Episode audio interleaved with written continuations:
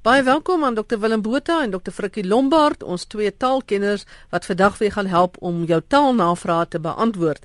Ons val weg met Willem, 'n vraag van Ludwig Visser, naam van Reinstop se wêreld oor die hervoorvoegsel in Afrikaans. Soos byvoorbeeld in herskryf en heropen. Hy sê dit beteken weer, soos weer open en weer skryf. En dan gaan hy net die woord herinner Nou vra hy, is dit dieselfde as die uh, vorige woorde wat ek nou genoem het? Is daar 'n werkwoord soos inner en jy moet nou verduidelik? Uh, Ludwig, dankie. Dit is nie 'n werkwoord soos die ander herwerkwoorde nie. Herinner is nie 'n tipiese her ehm um, werkwoord soos herskryf nie. Ons skryf dit uit Nederlands, herinneren en Nederlands het dit weer by die Duits gaan haal, erinneren En dit beteken om dit innerlik te maak, om iets innerlik te maak. Met ander woorde om dit vir jou te laat onthou. So hy gaan eintlik terug na die Duits en hy werk nie soos die ander herwerkwoorde in Afrikaans nie. Maar dan het Ludwig ook gevra van Piet. Hy wil weet waar kom Piet vandaan soos ons dit gebruik in Piet ma en Piet pa en Piet kind. Nou Piet in Afrikaans gaan terug na Nederlands en dan ook terug na Middelnederlands, met ander woorde die Nederlands van die middeleeue waar dit Peter was. En Peter is afgelei van die Latyn patrinus of patrinus wat 'n doopvader was en dit gaan weer terug na pater wat vader beteken. Is pater plus inus en die inus beteken soos of agtig, so patrinus beteken vaderagtig. Om alles op te som, Piet gaan terug na pater wat vader beteken. Maar Piet word natuurlik in Afrikaans ook as 'n as 'n woord gebruik op sy eie as 'n simplex en dan beteken dit dood eenvoudig peetouer, enige peetouer. Ek wil net gou stil staan by herinner. Ek weet daar's mense wat sê herinner, maar dit is 'n 'n klein groep mense, die mees algemene gebruik is herinner. Daai h-klank wat inkom. Waar kom dit vandaan? Hoekom sê ons nie maar net herinner nie? Ek dink dit is dood eenvoudig makliker om te sê herinner as herinner, want om inner te sê met jou nogal inspann. Die probleem kom net dat mense nou sukkel om die woord te spel en hulle is geneig om daar 'n h in te voeg wat eintlik net soms in die uitspraak bestaan. Ja, dit is so 'n glotte slag, né? Is dit wat jy aan noem? Ja. Glotte slag, ja. Frikkie, 'n luisteraar het in 'n boek gelees en die woord sapperloot daarin gesien. Wat is dit? Dit gaan oor die boek wat jy A Slengeman geskryf het oor die van 'n wals en uh, ek het nogal die plekkie opgespoor waar ene Jan sê sapperloot, dis te veel, heeltemal te veel wat wat gevra word vir iets. Nou dit is 'n redelike verouderde uitroep en ek sal net nou terugkom na sy vorm toe wat hy ook nog kan hê, maar net eers dit is 'n uitroep wat jy gebruik wanneer jy verbasing of ontsteltenis of self verontwaardiging te kenne wil gee. Nou 'n vorm wat eintlik nader kom aan aan die waarheid van waar hierdie ding vandaan kom is die ouer vorm sakkerloot wat na sapperloot ook gebruik is. Dit is 'n Nederlandse vorm en dit is waarskynlik 'n vervorming van die Frans sakgelot wat beteken heilige doop. Dit is nogal vreemd om te dink dat 'n ou sal sê heilige doop kerel, ek dink jy het heeltemal te veel betaal vir iets. Maar as ons nou maar hoor hoe die ouer mense gepraat het uit die psalms en gesange en uit die Bybel uit, ek byvoorbeeld ken mense self wat gesê het, "Hygend hert jong, wat het jy nou weer aangevang?" En dan kom dit daai hygend hert der dorst ontkom die een of ander psalm of gesang. En my een oom het altyd gesê, "Heiden kerel, wat praat jy tog nou?" Of o, heidenland. So as 'n soort uitroep of 'n tussenwerpsel. So die dinge is nie so skaars nie, maar dit is tog as 'n mens nou in vandag se konteks daarna kyk, is dit 'n bietjie vreemd. Dan gaan ons na jou toe Willem en uh, Piet Skabort het hier 'n vraag en dis 'n vraag oor iets wat my soos die Engelse sê pet hate is. En dis die uitspraak van woorde wat op SCH eindig. Ek het 'n vermoede hy verwys na woorde soos Franschhoek en Stellenbosch. Dankie Piet. Hy gee eintlik die antwoord. Hy beredeneer die hele saak en ek stem volmondig met hom saam.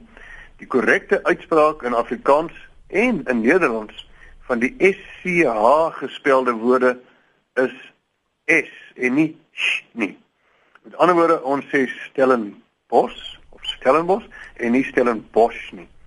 Dieselfde vir Kirstenbosch, Franshoek nie Franshoek nie, Nie Boschendal nie, maar Bossendal. En ook dan nou selfs die mees moderne Nederlandse woorde wat eindig op SCH soos mens, vlees en bos word nie as mens, vlees en bos uitgespreek nie, maar as mens, vlees en bos.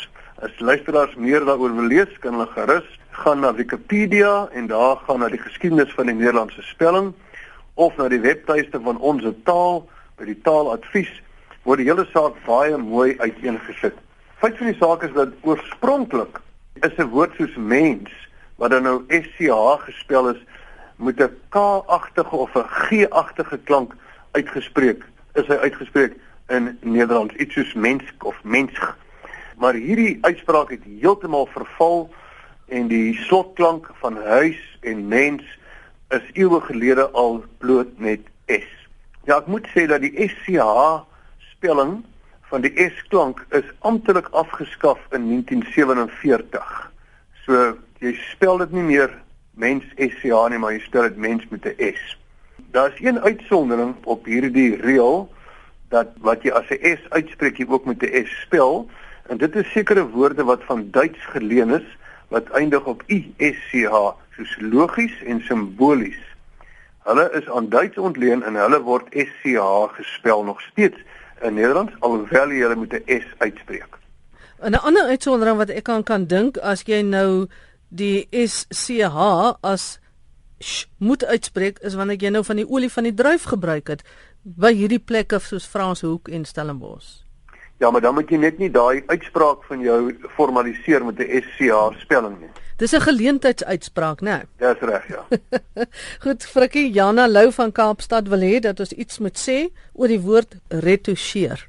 En ons gee die taak vir jou, Frikkie. Jana, dit is 'n woord wat veral gebruik word ter opsigte van fotos, skilderye, klankopnames en dit beteken maar gewoon jy verbeter dit of jy jy knap dit op of jy vul iets aan. Dit kan ook in 'n figuurlike aanwending 'n vals voorstelling wees wat jy van iets maak. Dan sê ons ook jy retoucheer die toestand. Jy gee 'n vals voorstelling daarvan. Maar veral word dit gebruik, ek weet veral van mense wat ou fotos retoucheer, dan knap hulle hom op. Hulle haal kolle en dinge uit en laat hom beter lyk en nuut lyk.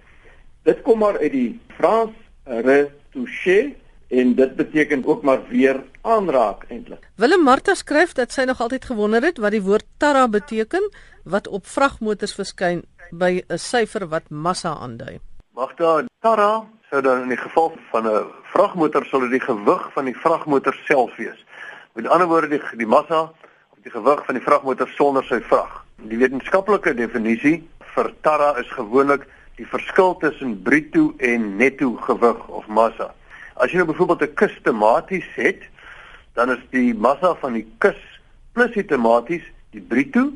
Die tematies self is die netto en die bruto minus die netto is dan nou die kus plus die tematies en dan trek jy daarvan af die massa van net die tematies, dan het jy die tarra en dit is dan nou die gewig van die kus. Tarra is die massa van die houer of die voertuig wat ook maar eintlik dan dien as houer vir die vrag wat jy vervoer vir die tematies dan nou. En uh, dit gaan terug na Nederlands, na Italiaans tara en na Frans tar en beide Italiaans en Frans gaan terug na Arabies tarik wat beteken dit wat op die grond gegooi, dit wat weggegooi is. So ek veronderstel jy gooi die houer weg en jy hou die tematies. Frikkie Herman van Tonner vra na die herkoms van die woord kneus. Nou ek wil net gehoor, ek het nou gesê van Tonner terwyl jy dit spel N D E R. Dit hmm. sluit aan by assimilasie waar ons by 'n vorige program gepraat het, is ek reg? Ja, dit is dit sluit absoluut aan daarbey, ja. Ons kry assimilasie en dissimilasie en ek dink ek gaan by 'n volgende geleentheid gaan ek ook praat 'n bietjie oor oor 'n uh, voorbeeld van dissimilasie. Maar om terug te keer na kneus toe, dit is nou wanneer jy deur te slaan, te stamp of te druk met 'n stomp voorwerp of watter voorwerp ook al die samehang van die weefsels van iets onder die oppervlak beskadig of verbreek sonder dat die oppervlak self opvallende letsels vertoon. In die reël ook sonder dat dit skeur en die oop wond vorm. Maar in die dieper laag van die vel of ook in die dele soos organe daaronder vind daar dan weefselbeskadiging plaas met gevolglike bloeduitstorting, 'n dikwels uiterlik waarneembare swelling en deur verandering van die onderhuids uitgestorte bloed ook 'n plaaslik optredende soort verkleuring wat plaasvind. Dit is dan nou wanneer jy 'n kneus kry. Kneus kan ook die werkwoord wees of 'n kneusplek as dit ware. Die herkoms kom uit Middel-Nederland het hom geken kneusen, Oud-Hoogduits knusen, Oud-Engels kneisan en Oud-Noors ook knosa. En in al hierdie gevalle het dit beteken slaan of in die Oud-Noors met slaan mishandel. Met ander woorde, kneus het eintlik verander van die oorsaaklike handeling na die resultaat daarvan. Goed, Maritjie vra wanneer word kerk met 'n hoofletter gespel en wanneer met 'n klein letter? En uh, Willem, jy moet vir ons dit antwoord asseblief. Maritjie antwoord eintlik haarself te haar eie vraag wanneer sy vra of sy reg is. En sy is heeltemal reg as sy sê dat as jy na die kerkgebou verwys, is dit 'n klein letter K vir kerk as dit 'n spesifieke kerk is soos die Grieks-Ortodokse kerk of die Hervormde kerk, is dit is kerk met 'n hoofletter K. Maar as jy na die kerk in die algemeen verwys, dan kan dit met 'n klein letter of 'n hoofletter wees. Jy sê sê die kerk deur die eeue, dan is dit hoofletter of klein letter. Die kerk van Christus is hoofletter of klein letter. Die kerk se taak is ensovoorts, dan is dit hoofletter of klein letter. Daar kan jy self kies ek stem heeltemal saam met met haar uiteensetting. En in die woordelys en spelreëls kan 'n mens baie mooi gaan lees wanneer hoofletters en wanneer kleinletters gebruik moet word. Daar is 'n spesiale afdeling oor hoofletters en kleinletters, ja. Dis 'n nagmerrie, mag ek dit net sê. Hoekom sê jy so? Uh, vir mense wat nou as taalkommissielede dien, is die hoofstuk oor hoofletters en kleinletters altyd van die ding wat die meeste probleme gee. Want daar's 'n daar's 'n verskywing in in taal ook te sien.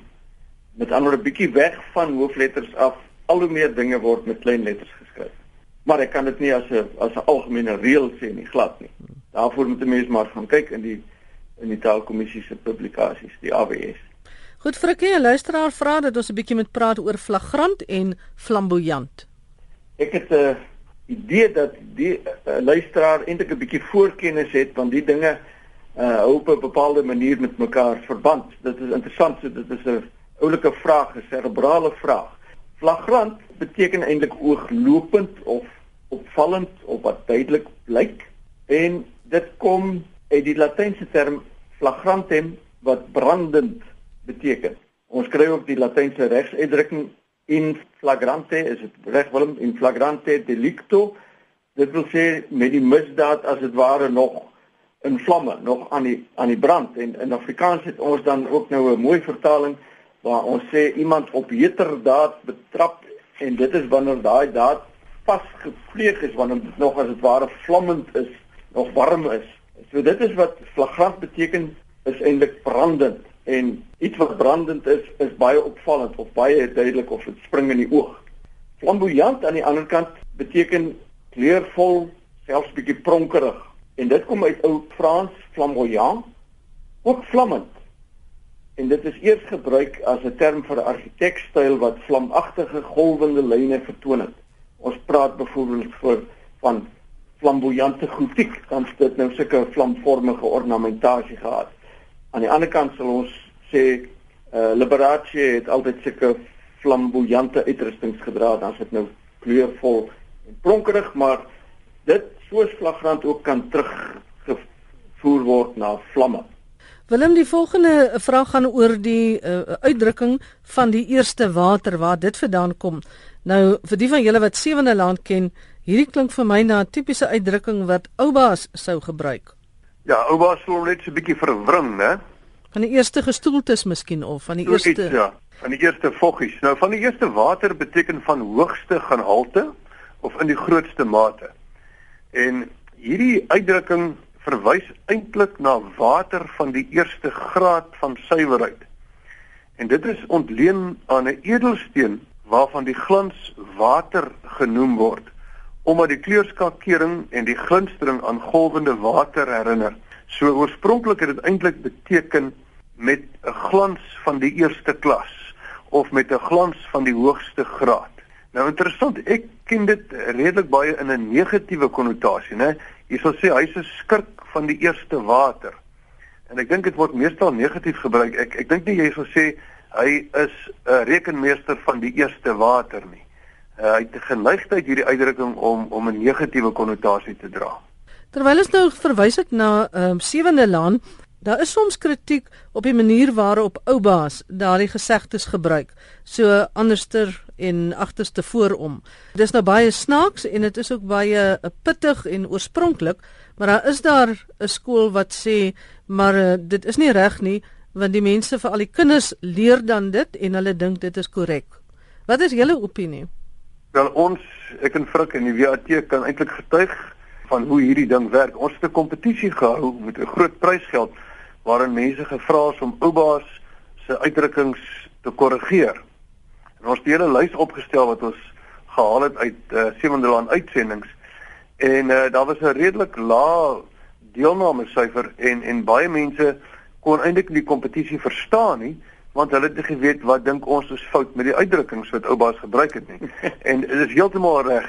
Uh mense weet nie meer wat die korrekte een is nie en hulle weet nie dat oubaas hulle heeltemal individualiseer nie. Aan die ander kant kan mense nou ook sê jy weet vir vir mense wat nou bietjie meer weet, hulle hulle lag nou as dit ware vir oubaas se gesegdes, verspreke. En miskien moet 'n mens uh, dan die voordeel van die twyfel gee en sê man enigiets wat mense weer terugneem na idiome toe of sekswyses is miskien 'n goeie ding. Selfs al ken hulle die goed nou nie en en en verstaan hulle soos Willem gesê het nie eintlik uh, dat dit verkeerd is nie. Enigiets voel ek wat mense weer bietjie met spreekwoorde in aanraking bring kan nogal 'n goeie ding wees. Ja, as 'n debat ontblok is dit uitstekend en dan die kinders byvoorbeeld saam met hulle ouers aan Seweland kyk, dan weet ek lok dit soms 'n bietjie van 'n debat uit. En uh, dan vra die kinders maar hoekom lag pa hulle? Jy weet, ja. en dan is dit 'n goeie gesprek en in daai opsig kan dit 'n baie goeie doel dien. Ek hoor graag van luisteraars wat hulle sê en ons gee so 'n stukkie reklame hierso of Sewende Laan is op SABC 2 weke aan die half 7 en uh, ek wil eintlik probeer om 'n rol los te staan as matrone se suster. So ek het nog altyd daai begeerte en ek hoop eendag kan ek matrone se suster indien nie matrone self speel nie. Baie dankie Frikkie en baie dankie Willem vir julle deelname vandag. Groete van Matro, ek bedoel Magdalene Kreer. Tot 'n volgende keer.